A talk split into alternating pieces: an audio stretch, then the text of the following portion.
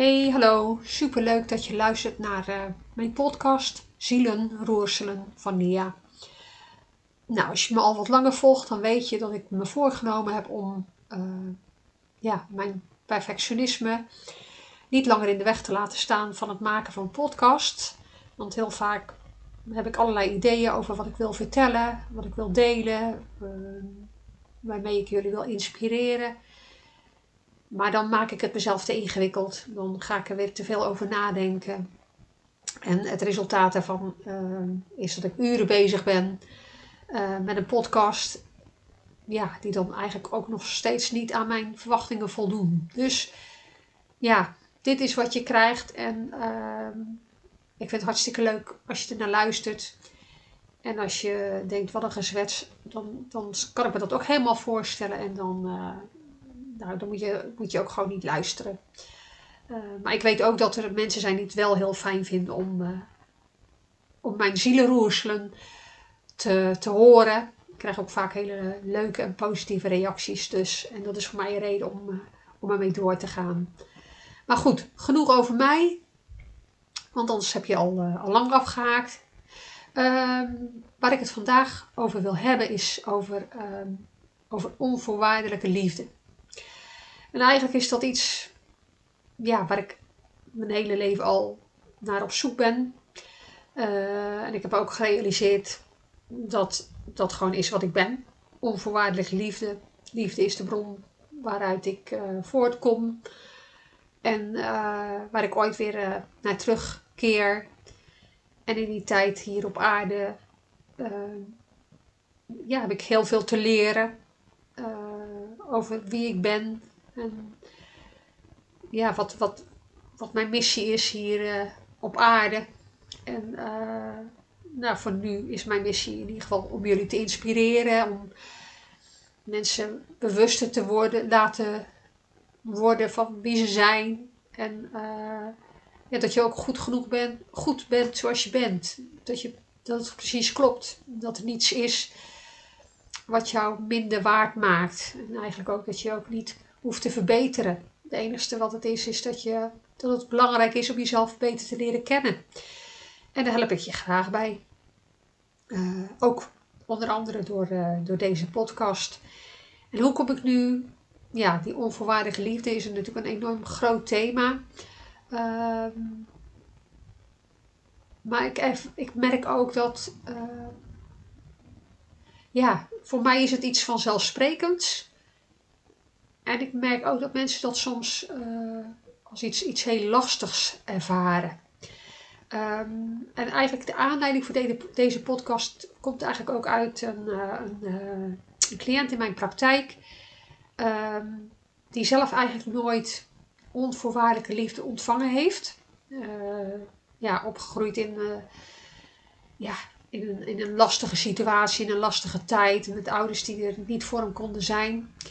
Uh, die niet, ja, die, die, daar ga ik even vanuit, absoluut van hem hebben gehouden, maar niet onvoorwaardelijk. En onvoorwaardelijk betekent eigenlijk dat het niet uitmaakt wie je bent, wat je doet, uh, dat ze gewoon van je houden, je ouders. En dat wil niet zeggen dat ze alles goedkeuren, dat wil niet zeggen dat ze, je, dat ze alles toejuichen wat je doet of niet doet maar wel uh, die onderlaag daaronder.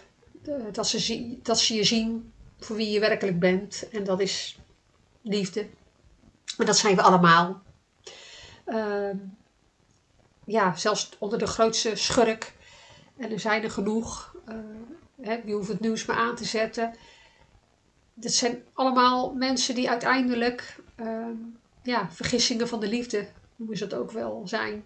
Wel, ik geloof dat de liefde zich niet vergist, maar het, on, daaronder, onder al die bagger, uh, geloof ik nog altijd in de, in de goedheid van de mens, in de intentie van de mens. En uh, ja, is dat waar ik op wil richten. En ik, dat is eigenlijk ook wat ik mensen wil laten zien.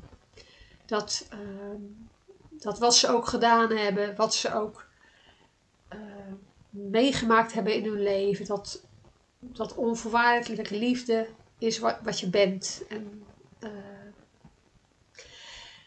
nou, maar goed, in ieder geval even teruggaan naar die, uh, naar die situatie, naar die cliënt waar ik het dan, uh, dan over heb. Die, die heeft dus nooit die onvoorwaardelijke liefde eigenlijk ontvangen. Niet van zijn ouders, later ook niet van de partners waar hij mee was. Ehm, ook niet, ja, ook niet van zijn kinderen. Waarschijnlijk wel toen ze nog heel klein waren, maar ook daar zijn dingen gebeurd. Waardoor dat in ieder geval uh, afgekapt is, om het zo maar eens te zeggen. Dus deze, deze persoon die heeft nooit onvoorwaardige liefde gekend. Uh, maar is desondanks zelf een heel liefdevol mens. Die heel veel onvoorwaardelijke liefde te geven heeft. En eigenlijk is dat ja, nog bijzonderder. Omdat hij uh, het nooit ontvangen heeft. Dus het is iemand die heel graag uitdeelt, die heel graag voor anderen is, uh, de ander eigenlijk altijd hoger acht als zichzelf. En dat is natuurlijk heel mooi, dat wordt ook altijd heel erg geprezen. Uh, de, de, de, de, ander hoger achten als jezelf, uh, de ander op de eerste plaats zetten, altijd, ja, eigenlijk als het ware jezelf weggeven, altijd helpen nou ja, de, hele wereld is daarop gebaseerd. Hè? Uh, althans, helaas is dat wel af en toe een stuk minder. Maar ik herken het in ieder geval nog wel heel veel mensen. Die, die, die toch zoiets hebben op het moment dat, uh, dat ik zeg van ja, maar het is ook belangrijk om jezelf op de eerste plaats te zetten. Omdat je alleen daar vandaan echt echt kunt geven, zonder daar wat voor terug te geven. Dus door jezelf op de eerste plaats te zetten, kun je onvoorwaardelijk uh, weggeven, omdat je er niets voor terug hoeft, omdat je weet dat jouw hart gewoon gevuld is en uh, dat dat niet te leeg raakt. En van daaruit kun je onvoorwaardelijk geven. Uh, maar wat me dus ja, bij deze, deze cliënt dan heel erg opviel. Uh, want het is natuurlijk heel mooi. Onvoorwaardelijk geven. Maar um, onvoorwaardelijk ontvangen is eigenlijk net zo belangrijk. Het ene is niet beter als het andere. Geven is niet per definitie beter als ontvangen. Ik denk zelfs dat ontvangen nog veel lastiger is. En uh, eigenlijk nog veel moeilijker is. Want ontvangen maakt je kwetsbaar. Ontvangen uh, kan je het gevoel van afhankelijkheid geven. En dat is misschien ook wel de reden waarom we zo graag geven. Uh, omdat je daar een goed, goed gevoel over kan hebben. Van kijk eens wat ik doe. Kijk eens uh, hoe ik ben, hoe ik er ben voor anderen. kijk eens wat ik je allemaal geef. En ja, als je het vanuit die hoogmoed doet, hè, uh, en dat is vaak niet bewust, uh, heel vaak is het onbewust. Uh, en, en ik wil je ook vooral uitdagen om je er bewuster van te worden. Van wat is de reden waarom je dingen aan iemand geeft, dingen geeft, aandacht geeft, voor de ander zorgt. Is dat uit die, die bron van onvoorwaardige liefde die, je, die jij bent? Of zit er eigenlijk een, iets achter? Zit daar ook een schaduwkant achter? Een schaduwkant aan? Um, en het is goed om dat te erkennen en dat in het licht te zetten en dat ook niet af te wijzen. Zeker jezelf daarvoor niet af te wijzen, maar gewoon uh, ja, er helderheid over te krijgen. Te beseffen van hé, hey, uh, ik, geef, ik geef iets weg omdat ik graag wil dat de ander me aardig vindt. Of ik geef iets weg omdat ik eigenlijk wat van de ander nodig heb. Of ik geef iets weg in de hoop dat als ik uh, de, jou nodig heb, dat jij er ook voor mij bent. En dat zijn eigenlijk allemaal redenen om te geven. Hè? En het gaat dan, ja, of dat nou, geld is, of, of aandacht, of, of, of liefde. Uh, het zijn allemaal voorwaardelijke giften, om het zo maar eens uh, te noemen. En het is niet fout, het is niks fout. Uh, ik bedoel, alles is wat het is, maar je er bewust van te zijn, uh, dat is wel belangrijk. om ook niet misschien heel erg teleurgesteld te raken in, in het leven, in anderen. En ik hoor heel vaak mensen zeggen: Ja, ik verwacht niks. Maar is dat echt waar? Is het echt waar dat je niks verwacht? Ehm, en juist mensen die, ja, die ehm, nooit die onvoorwaardelijke liefde hebben ontvangen, uh, vinden het soms ook heel moeilijk om onvoorwaardelijk te geven, omdat ze dat nooit geleerd hebben. Ehm, maar om even terug te keren naar deze, deze cliënt. Ja, ik denk dat, dat, dat hij heel veel onvoorwaardelijke liefde in zich heeft. En daar ook ja, uh, ruimhartig van uitdeelt. En daarin ook wel eens teleurgesteld wordt, omdat er niet niks terugkomt. Hè? Ehm, maar dan desondanks dat toch blijft doen. Maar ik confronteerde hem eigenlijk met de vraag: kun je het ook ontvangen? Kun je liefde ontvangen? Kun je openstaan voor wat de ander jou wil geven?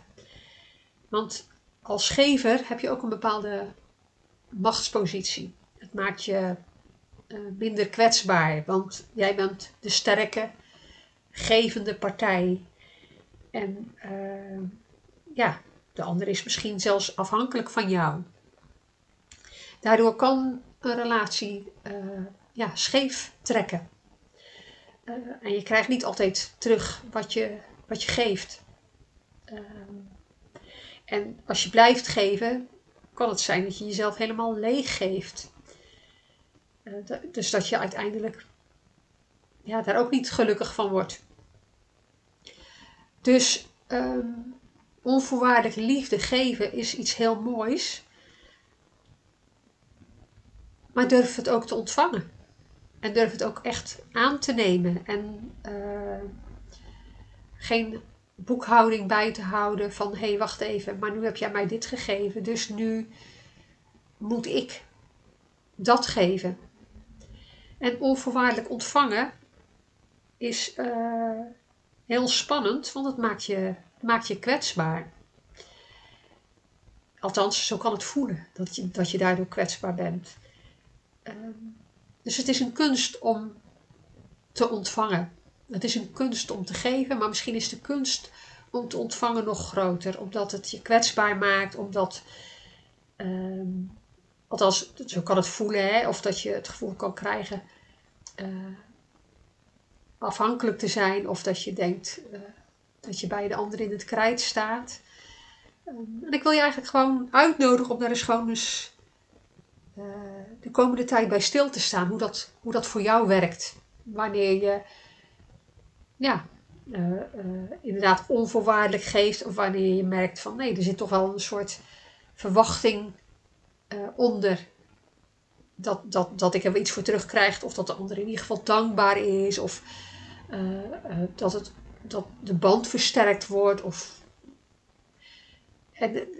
daar is niks goed of fout aan. Maar gewoon je er bewust van te zijn. hoe geef jij?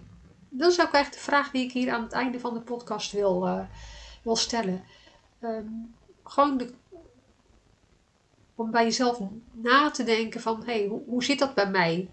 Um, geef ik eigenlijk in de verwachting dat iemand dankbaar daarvoor is? Of, of maakt het me helemaal niet uit? En, en durf ik ook te ontvangen?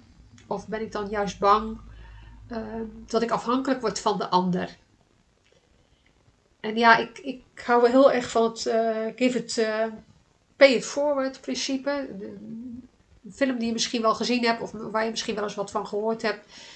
Um, dat wat jij aan de ander geeft, dat de ander, uh, ja, het is mooi om, uit te delen, zeg maar. En, en hoe mooi is het om te, om te bedenken dat doordat jij iets aan de ander geeft, deze uh, daar misschien ook wel weer anderen blij mee maakt. Dus dat, uh, ja, dat, dat je op die manier het vermenigvuldigt. En, en dat, dat, dat die stroom van, van geven steeds, uh, steeds groter wordt. Hoe mooi is het dat jij door onvoorwaardelijk te geven, um, zo'n stroom op, op gang kan zetten. Maar ook uh, durf te ontvangen. Durf kwetsbaar te zijn. Durf hulp te vragen. Uh, en ontvang in dankbaarheid zonder dat je het gevoel hebt dat je daar weer wat voor terug moet doen. Of dat je dat weer per se door moet geven. Je mag gewoon ontvangen. En uh, je mag gewoon geven. En ik denk dat hoe minder je stilstaat bij dat je het doet, uh, hoe onvoorwaardelijker het is. De, de, ik denk dat we allemaal wel ja, eigenlijk automatisch dingen doen of dingen geven zonder daar verder bij stil te staan, die misschien heel veel voor een ander betekenen. En, en ja, ook, ook andersom, dat jij soms dingen van iemand ontvangt of aandacht of, of, of een stukje hulp. Um, waarvan de ander niet eens bewust is dat hij jou dat heeft gegeven. Goed, nou ik wou het voor nu hier even, even bij laten. Ehm, ik hoop je ook wat gegeven te hebben met deze podcast. Een stukje inspiratie. Ehm, ja, gewoon even nadenken over hoe dat bij, je, bij jou werkt. En uh, ja, pay it forward zou ik zeggen. Ik wens je nog een hele fijne dag en uh, tot de volgende keer.